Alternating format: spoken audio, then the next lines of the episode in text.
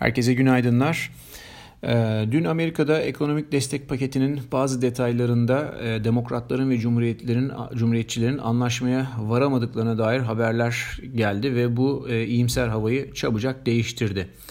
11 ee, gündür aralıksız yükselen Nasdaq endeksi başta olmak üzere 3 ana endekste günü satışlarla kapadılar. Tabii şimdi bu demokratlarla cumhuriyetçilerin aslında e, birlikte destekleyerek e, ortaya attıkları bir paketti ama sonradan bir anlaşmazlık olması e, son derece makul e, dönüp baktığınızda bir sürü sebep olabilir ama en basit sebeplerden bir tanesi e, Cumhuriyetçiler gider ayak e, daha sonraya yatırım yapmış olmak amacıyla bir e, destek paketi çıkartmış olup bunu bu biz, bizim zamanımızda bu çıktı demek istemiş olabilirler. E, Demokratlar da e, belki de buna fırsat vermek istemediler. Tabii bu spekülasyona çok açık bir konu.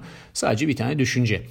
E, diğer yandan e, bizim asıl düşüncemiz burada ee, gerçek paketin Joe Biden'ın ofisi resmi olarak devralmasından sonra yani Ocak ayından sonra e, gelmesi yönünde olacaktır. O zamana kadar gelecek olan e, paketler aslında daha önce de bu konuyu yazmıştım. Mini paket olacaktır ve tamamen kamuoyunu meşgul etmek, kamuoyunu oyalamak e, amacıyla gelecektir. Amaca hizmet etmekten biraz uzak olacak. Neticede 908 milyar dolarlık bir paketten bahsediliyor. İhtiyaç 2,5 trilyon dolar civarı filan e, ihtiyacı karşılaması pek mümkün olmayacak. Sonuçta piyasa fiyatlamasına dönersek e, dün Nasdaq %1.94, S&P 500 0.79, Dow Jones da %0.35 ekside kapattı ve VIX endeksi e, dün %7.70 yükseldi. İlginç bir şekilde 7.70 e, bu tür zamanlar için aslında VIX'in yükseliş marjı olarak oldukça dar. Yani VIX bir günde çok daha fazlasını yapabilen bir enstrüman. E, bu yükselişle 7.70 e, de fena değil ama bu yükselişle son haftalardaki trading range'in ötesine geçmiş değil. Dolayısıyla henüz çok önemli bir şey ifade etmiyor bize. Ama yine de e, VIX vade farklarını inceleyerek e, oluşturduğumuz indikatörümüze baktığımızda zaten birkaç gündür e, burada S&P 500 endeksi için e, satış e, ihtimalinin çok arttığını gösteriyordu bize. O ya da bu şekilde bu satış ihtimali gerçekleşmiş gibi gözüküyor. Bir de dün bir haber daha vardı. Yine bu endeksler üzerinde baskı kurabilecek bir haber. Covid-19 aşısı e, vurulan İngiltere'de Covid-19 aşısı vurulan iki kişi e, bu Pfizer ve BioNTech'in aşısını vurulduktan sonra bu iki kişide alerjik reaksiyonlar gelişmiş. E, daha sonrasında yapılan açıklamada alerjik geçmişi olanların bu aşıyı vurulmaması gerektiği söylendi. Şimdi bu çok önemli aslına bakarsanız çünkü e, hatırlarsanız tam da bu konuda yani bu e, mRNA teknolojisiyle geliştirilen aşıların e, kısa vadeli yan etkileri ve uzun dönemli e, amaç dışı etkileri üzerine bir sürü tartışmalar var kamuoyunda yazılar var açarsanız bilimsel makaleler, makaleler falan gırla gidiyor.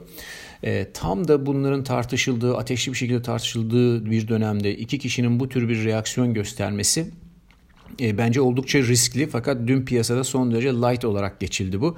E, bu tür vakaların yani sadece e, basit alerjik değil daha şu anda öngöremediğimiz e, yan etkilerinin gelişmesi halinde e, onay almış bir aşının bu durumda olması son derece negatif etki edecektir endeksler üzerinde. Dolayısıyla e, biraz endeksler veya hisse senedi piyasasında e, riskleri fark etmekte fayda var. Henüz hani burada bu oldu artık satarlar demek için erken ama böyle bir bu tür vakaların tekrarla, tekrarlaması halinde endeksler bir anda e, umut dünyası e, hayal kırıklığına uğrayacaktır. Bu da endekslerde kendisini çok belirgin bir şekilde gösterir. E, diğer yandan tabii e, dün DoorDash ve e, Airbnb'den bahsetmiştik. DoorDash e, hissesi e, dün %90'ın üzerinde prim yaptıktan sonra günü %85 yukarıda kapadı. Airbnb bugün e, bakacağız geleceğiz fiyatlamasına. Ee, yine birkaç hisse haberiyle geçelim. Elektrikli araç piyasasının amiral gemisi Tesla, e, JP Morgan analisti tarafından dramatik bir şekilde aşırı değerli olarak değerlendirilince e, hisse günü %7 ekside kapattı. Buna paralel olarak e, Çinli elektrikli araç hisseleri de tabi e, baskı altında kaldı. Onlar da eksilerde kapattılar günü. E, bu konuda zaten görüşümüzü belirtmiştik. Hani e, sene sonuna kadar olan süreçte bunlar artılı eksili giriş, e, şey imkan, imkanlar verecektir alı, giriş çıkış için diye konuşmuştuk zaten. E, ayrıca aynı analist JP Morgan analisti Zoom hissesini aldan tuta çekti. Bu da e, son zamanların favori hisselerinden pandemi hisselerinden olan Zoom üzerinde tabii etki edecek bir faktör. E, bir de Facebook'la ilgili haber var. E, hatırlarsanız bunların zaten bir e, tekel oluşturmalı oluşturdukları nedeniyle e, meclis komisyonuna bunlarla ilgili bir araştırma yazısı verilmişti. Şimdi burada Facebook için Instagram ve WhatsApp'ı ana sosyal medya platformundan ayıracak bir e, bölünmeye gitmesi için e, mahkeme edileceği e, söyleniyor. E, bu tür haberler tabii doğal olarak hissenin üzerine negatif etki edecektir. E, bu nedenle şimdilik Facebook hissesinden biraz uzak durmakta fayda olacak. Gelelim petrol tarafına. E, dün açıklanan DOE petrol stok verisinde e, son 20 yılda haftalık olarak en yüksek ikinci stok artışını gördük. E, hatta buna ek olarak sadece ham petrol değil benzin ve mazotta da e, artışlar gözlemlendi. Ama WTI yine e, önce satış yedisi yese bile şey satışları toparlamış vaziyette. Burada çok ciddi bir boğa kontrolü var bu piyasada. E, tabii şimdi stokların bu kadar hızlı, e, bu kadar kocaman artması bize şunu düşündürüyor. E, kardeşim biz bu kadar zamandır ne diyorduk? E, talep artışı var burada diyorduk. E, madem talep artışı var stoklar nasıl bu kadar fazla yüksek? Demek ki aslında talep falan yok. Mal stokta kalmış. Dolayısıyla e, bu biraz şaibeli bir durum. Belki de talep artışı sadece aslında gerçek bir talep artışı değil. Covid'den dolayı talep artışı beklentisi vardı ve e, piyasa bunu fiyatlıyordu ama realite pek öyle gerçekleşmemiş. Hani burada iyimser bir bakış açısıyla sadece şu düşünülebilir. E, Amerika'nın en büyük petrol hub'ı olan Cushing'deki stoklar son 3 haftadır azalmaya devam, azalıyor, azalış yönünde devam ediyor. Stoklar orada biraz eriyor. Ama yine de şunu unutmamak lazım. Hem toplam ham petrol stokları hem de Cushing'deki stoklar şu an itibariyle Mayıs ayında e, kimsenin petrol almak istemediği dönemde o süper yükselen petrol stokları seviyesine oldukça yakın. Yani %5 %6 kadar mesafe kalmış vaziyette. Ee, tabii şimdi o, o tür bir fiyat hareketi beklememek lazım. Orada dinamik başkaydı. Şimdi biraz daha başka.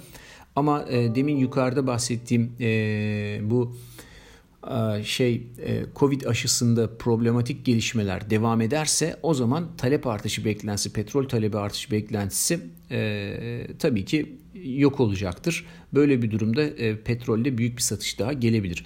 Böyle olmadığını varsayalım. Petrol stoklarındaki bu yükseliş e, eğer birkaç hafta devam ederse e, tek başına petrolde bir aşağı yönlü bir düzeltme için gerekli sebebi oluşturacaktır.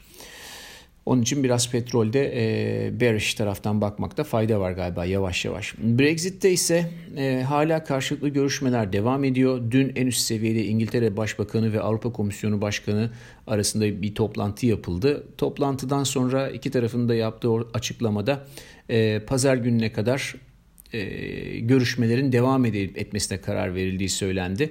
E, ama tabii bu arada büyük görüş ayrılıkları olduğu da ifade ediliyor. 13 Aralık karar günü olacak orada. E, bu da demek oluyor ki sterlin döviz çiftlerinde pazartesi açılışta heci olmayan bir pozisyon taşımak oldukça yüksek adrenalin pompa, pompalanmasına neden olacak. E, çünkü gapli açılışlar, boşluklu açılışlar olabilir. E, dolar endeksi tarafında daha önce grafiklerde paylaştığım üzere e, Diagonal desteğin hemen üzerinden bir tepki alımı geliyor. Normal şartlarda teknik olarak baktığımızda 92-30 bölgesine kadar e, bunun en azından e, yükselmesi gerekiyor. Ama zaten şu an itibariyle artık bu konuşmalar çok yer, yerinde değil bence. Çünkü bugün Avrupa Merkez Bankası toplantısı var ve bu konuyla ilgili birçok sorunun e, cevabını verecektir orası. Fiyatlamalarda da zaten gün bitmeden görürüz diye tahmin ediyorum.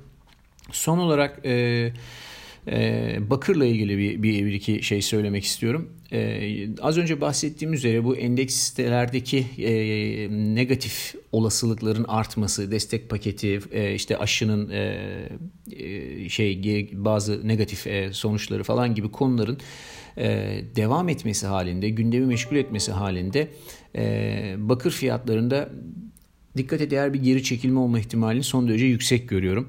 E, tabii temel faktörleri güçlü Bakır'ın. O yüzden orta uzun vade için şimdilik hala yukarıya doğru olması gerektiğini düşünüyorum ama e, eğer e, bu dediğimiz şekilde haber akışı gelişirse endeksler eşliğinde Bakır'da da e, satışlar gelecektir. Belki ufak bir short denemeleri yapılabilir diye düşünüyorum. Bugünlük bu kadar. Herkese iyi seanslar.